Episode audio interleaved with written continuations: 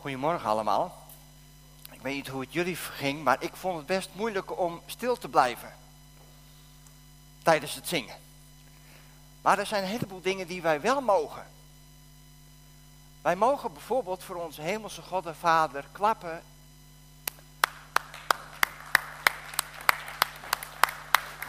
Met deze bijzondere liederen. We mogen onze hemelse Vader ook gewoon aanbidden.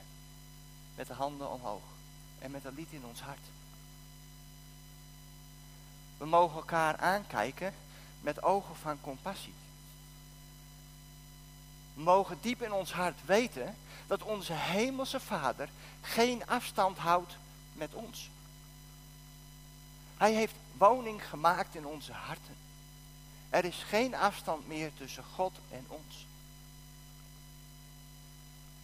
En ik probeer mezelf aan te leren dat elke keer als ik anderhalve meter afstand moet houden van jullie, van iemand die ik ontmoet, dat ik daar ergens probeer te ontdekken waarin zie ik hier de liefde van God die geen afstand houdt. En ik merk dat als ik dat doe en als ik naar anderen kijk, dat ik niet reageer vanuit angst. Oh, dit is net iets minder dan anderhalve meter. Maar dat ik bij wijze van spreken op zoek ben, waar zie ik mijn hemelse vader zichtbaar worden bij die ander. En ik merk dat ik eigenlijk nog nooit op die manier naar iemand anders keek.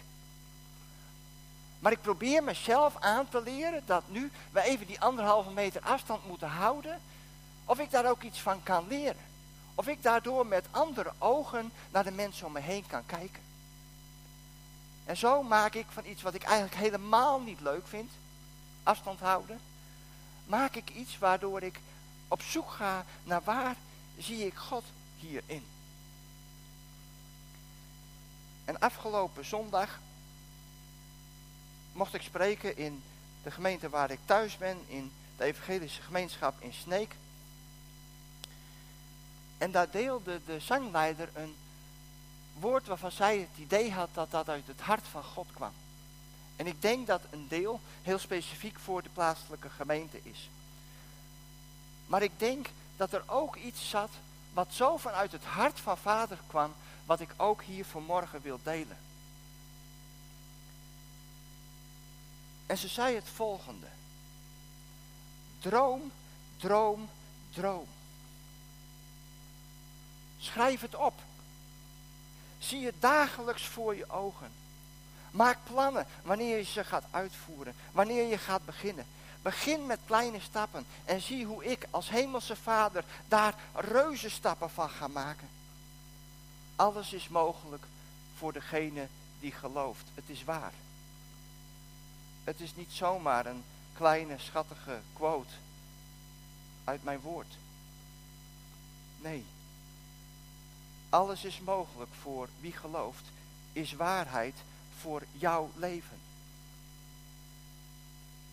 Ik heb jou hier nodig, op deze aarde, op deze tijd, op deze plaats.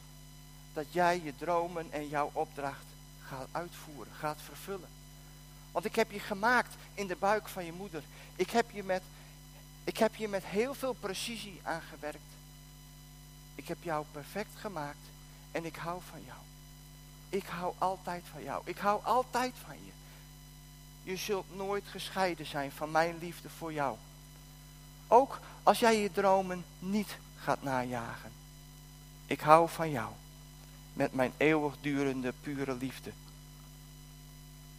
Maar ik zou zo graag willen voor jou. Dat jij je leven gaat leiden. Zoals ik het bedoeld heb.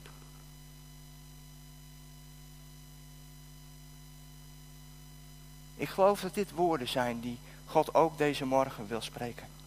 En het is misschien de vraag die je hebt. Hoe doe ik dat? Hoe breng ik in praktijk waarvan ik droom? Zegt het woord van God daar iets over? En het antwoord is ja, jazeker. God zegt daar iets over. Maar eerst die vraag. Waar droom jij van? Waar droom jij van de afgelopen dagen, de afgelopen week, misschien afgelopen half jaar?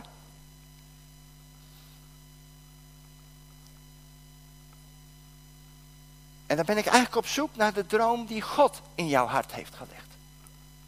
Wat is de droom van God in jouw hart? En probeer dat eens voor jezelf in één zin te omschrijven. Misschien is dat ingewikkeld. Neem anders ook na de dienst de komende weken eens even de tijd om aan God te vragen van, waar droom ik eigenlijk van? Wat is er diep van binnen wat ik zo graag wil? En we gaan vandaag met elkaar spreken over Romeinen hoofdstuk 12, vers 1 tot 8.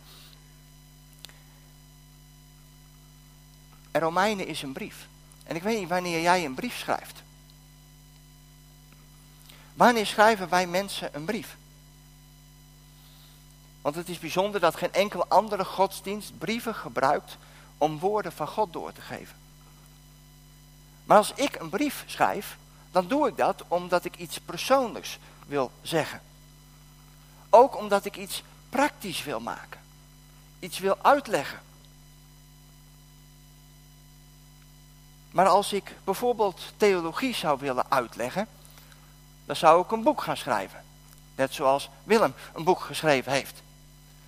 Daarin neemt hij de tijd, neemt hij de mogelijkheid, neemt hij iets ruimer. Net als Wilma, die ook een boek schrijft. Die nemen de tijd om iets groot en uitgebreid uit te leggen. Die schrijven een boek. Die schrijven geen brief. Een brief is er om iets persoonlijks te zeggen en omdat je iets praktisch wil maken. En daarom, als wij Romeinen lezen, heel vaak lezen wij een klein stukje en gaan we dat vervolgens exegetiseren, gaan we dat uitleggen. Maar toen ik een brief kreeg van mijn toen nog aanstaande vrouw, ik verslond die brief. Ik las hem van voor naar achteren, van achteren naar voren en kriskras door elkaar. Maar ik wilde weten wat het hart van Miesje tegen mij te zeggen had. En ik geloof dat de apostelen ook zo'n brief schrijven naar de gemeente waar ze zo van hielden. Want Nico, jij zei het al aan het begin. Die ontmoeting van Paulus op weg naar Damascus, hoe God hem daar heeft aangeraakt. Paulus werd daar van de een op andere dag van een vervolger van de gemeente een dienaar van de gemeente. Hij, zijn leven werd door God op de kop gezet en hij kreeg van God een hele duidelijke droom, een hele duidelijke roeping, namelijk dat hij als apostel voor de heidenen mocht functioneren. En eigenlijk zie je dat door al zijn brieven heen. Daar zit zijn hart vol van.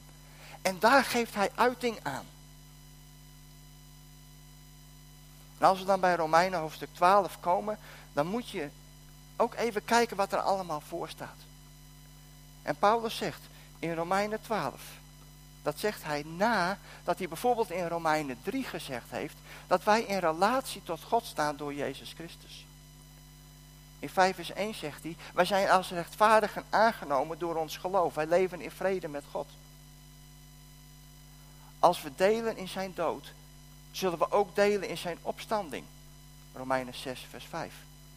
Wie gestorven is, is rechtens vrij van de zonde. Romeinen 6, vers 7. Romeinen 8, vers 16. De geest zelf verzekert onze geest dat wij Gods kinderen zijn. En Romeinen 8, vers 38. Niets kan ons scheiden van de liefde van God. Al dat soort dingen heeft Paulus al gezegd tegen de Romeinen. Voordat hij komt bij Romeinen hoofdstuk 12. En laten we dat lezen. Romeinen 12, vers 1 tot 8. En ik doe dat uit de nieuwe Bijbelvertaling. Broeders en zusters, met een beroep op Gods barmhartigheid vraag ik u om uzelf als een levend, heilig en God welgevallig offer in zijn dienst te stellen. Want dat is de ware eredienst voor u. U moet uzelf niet aanpassen aan deze wereld, maar veranderen door uw gezindheid te vernieuwen, om zo te ontdekken wat God van u wil en wat goed volmaakt en hem welgevallig is. Met een beroep op de genade die mij geschonken is, zeg ik u allen dat u zich niet hoger moet aanslaan dan u zich kunt verantwoorden. Maar verstandig over uzelf moet denken. Denk overeenkomstig het geloof. Dat is de maatstaf die God u heeft gegeven. Zoals ons ene lichaam vele delen heeft en die delen niet allemaal dezelfde functie hebben, zo zijn we samen één lichaam in Christus en zijn we ieder apart elkaars lichaamsdelen. We hebben verschillende gaven, onderscheiden naar de genade die ons geschonken is. Wie de gave heeft te profiteren, moet die overeenkomstig met het geloof gebruiken. Wie de gave heeft bijstand te verlenen, moet bijstand verlenen. Wie de gave heeft te onderwijzen, moet onderwijzen. Wie de gave heeft te troosten, moet troosten. Wie iets weggeeft, moet dat doen zonder bijbedoeling. Wie leiding geeft, moet dat doen met volle inzet. Wie barmhartig voor een ander is, moet daarin blijmoedig zijn. Deze tekst valt uiteen in drie delen. Vers 1 en 2, 3 tot 5 en 6 tot 8. En over al die drie wil ik iets zeggen aan de hand van dit pakje. Het is een heel klein pakje waar ik heel veel plezier van heb gehad afgelopen vakantie. Het pakje is niet van mij, is van mijn zoon. Mijn zoon van 13, Nathan. En zien jullie wat hierin zit vanaf een grote afstand? Nee, hè? Ook voor de mensen die later nog luisteren, dit is een pakje met een vlieger erin. Een kite, een sportkite.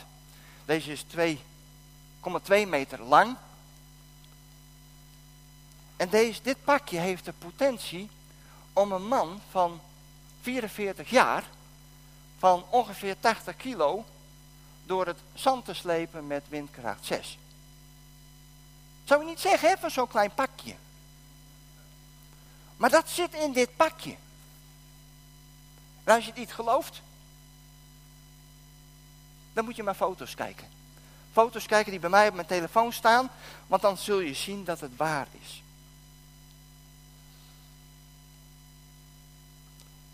Maar er staat in Romeinen 12, vers 1 een heel belangrijk woordje. Broeders en zussen, met een beroep op Gods barmhartigheid vraag ik u om uzelf. Uzelf als een levend, heilig en God welgevallig offer in zijn dienst te stellen. Er is heel veel te zeggen over die tekst. Maar ik zoom in op dat woordje uzelf. De grondtekst geeft hier aan dat wij zelf, de eenheid van geest, ziel en lichaam, wie wij zijn, wie wij in essentie zijn, om dat terug te geven aan God. Dat is hier wat hier bedoeld wordt. Maar wie ben jij zelf? Ken jij jezelf ten diepste? Weet je wie jij bent? Ten diepste, als ik wil weten wat hier in dit pakje zit, moet ik weten wie het gemaakt heeft. Moet ik de bedoeling kennen van de maker van deze vlieger. En zo is het ook met God. Als wij willen weten wie wij zelf zijn, hoe wij zijn als geest, ziel en lichaam, dan moeten we ontdekken van wat God als Vader over ons leven zegt. En wij krijgen een heleboel andere informatie in ons leven over wie wij niet zijn.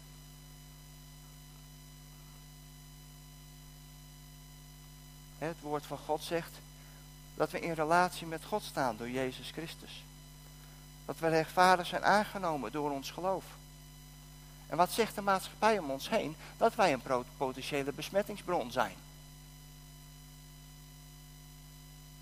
Dat is wat de wereld tegen ons zegt. Maar God zegt andere dingen tegen ons.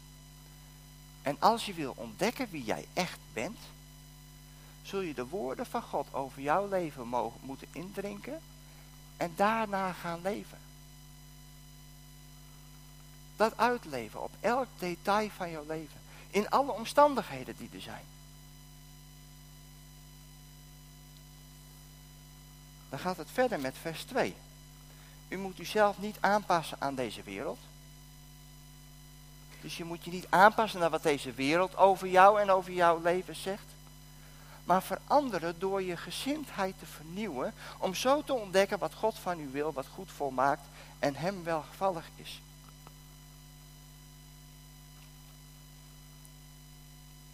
Stel je voor, mijn zoon heeft deze vlieger gekocht. En hij legt hem keurig neer op zijn kamer. En hij kijkt zo eens naar die vlieger. En hij is diep onder de indruk van die vlieger. Van die prachtige kleuren, van dat kleine pakketje. Hij geniet daar ten volle van. Dat hij de eigenaar is van die vlieger. Hij kan er uren op een stoel bij gaan zitten en kijken. Wat een prachtige vlieger is dat. Wat heeft die vlieger veel potentie, zeg.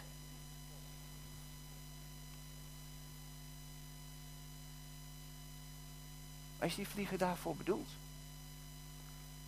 Nee. Dan had hij beter ingelijst kunnen worden. Dan had je hem aan de wand kunnen hangen. Had je er naar kunnen kijken. Nee. Die vlieger moet opengemaakt worden. Dat pakketje moet opengemaakt worden. Zo is het ook met jouw leven. Geestelijk gezien moeten wij opengemaakt worden, zodat alle potentie die God in ons gelegd heeft, eruit gaat komen.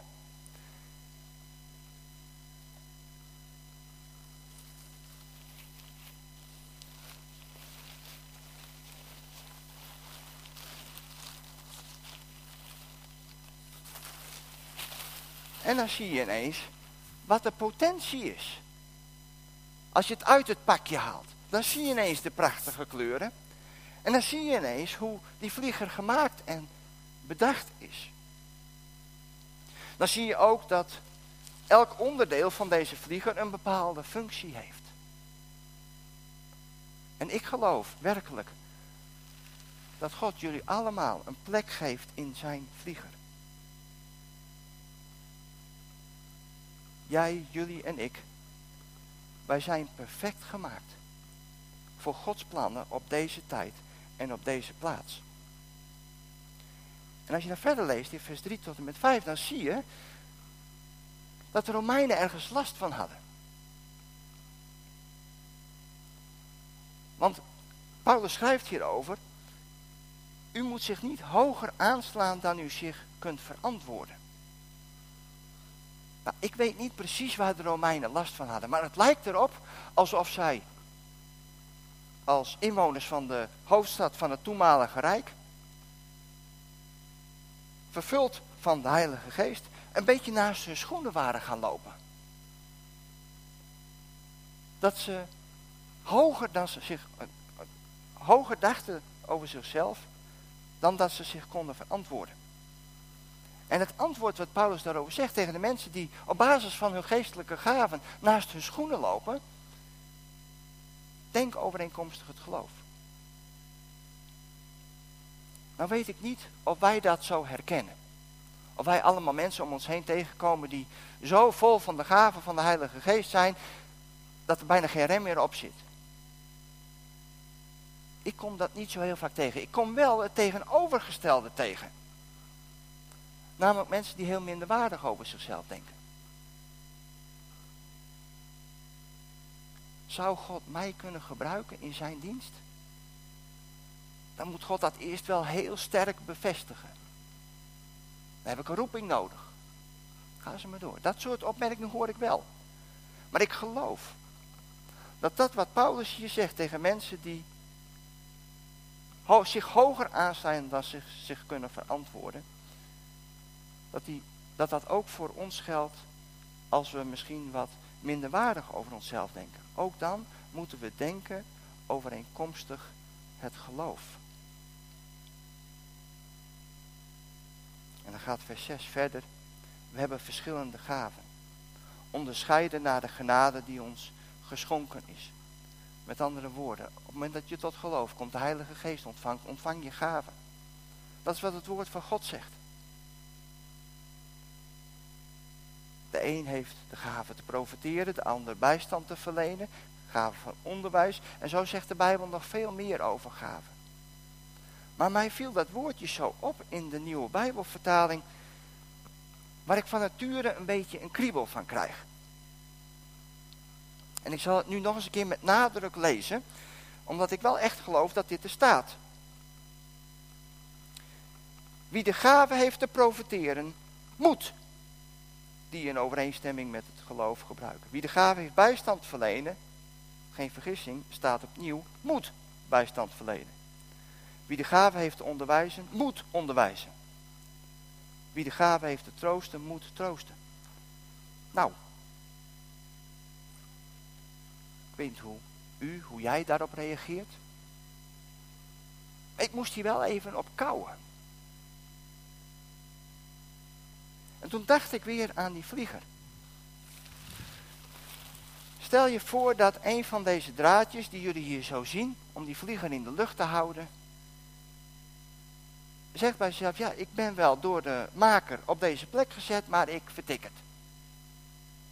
Zou die vlieger het dan nog doen? Als een van deze onderdelen van die vlieger nou zegt van, ik, ik doe het niet. Ik ben hier wel voor bedacht, ik ben hier wel voor gemaakt, maar nee, er is nu even een persoonlijke omstandigheid dat ik niet beschikbaar ben. Gaat die vlieger het dan doen? Een vriend van mij had een nog grotere vlieger, die is ook ietsje zwaarder. Maar die werd ook met windkracht 6 door het zand getrokken. Maar er knapte op een gegeven moment een lijntje. Nou, kon wel ophouden. Die vlieger deed het niet meer. En dit is wat de apostel Paulus zegt tegen de Romeinen. Iedereen heeft een functie. Iedereen met elkaar laat dit prachtige beeld zien van die vlieger. En het is de uitnodiging van de Heilige Geest vanmorgen. Wil jij onderdeel zijn van die geestelijke vlieger? Nou, niet eens wil. Je bent onderdeel van die vlieger. Op het moment dat je tot geloof gekomen bent. Op het moment dat je deel uit bent gaan maken van Gods gemeente. Ben je onderdeel. En de vraag is. Wil jij jouw plek innemen? Wil jij de droom van God voor jouw eigen leven uitleven? Wil jij als het ware je eigen vlieger uitpakken? En wil jij de wind van de geest in jouw vlieger laten waaien? En de droom van God op jouw leven uitleven? Dat is waar God naar verlangt. Dat is waar deze gemeente naar verlangt.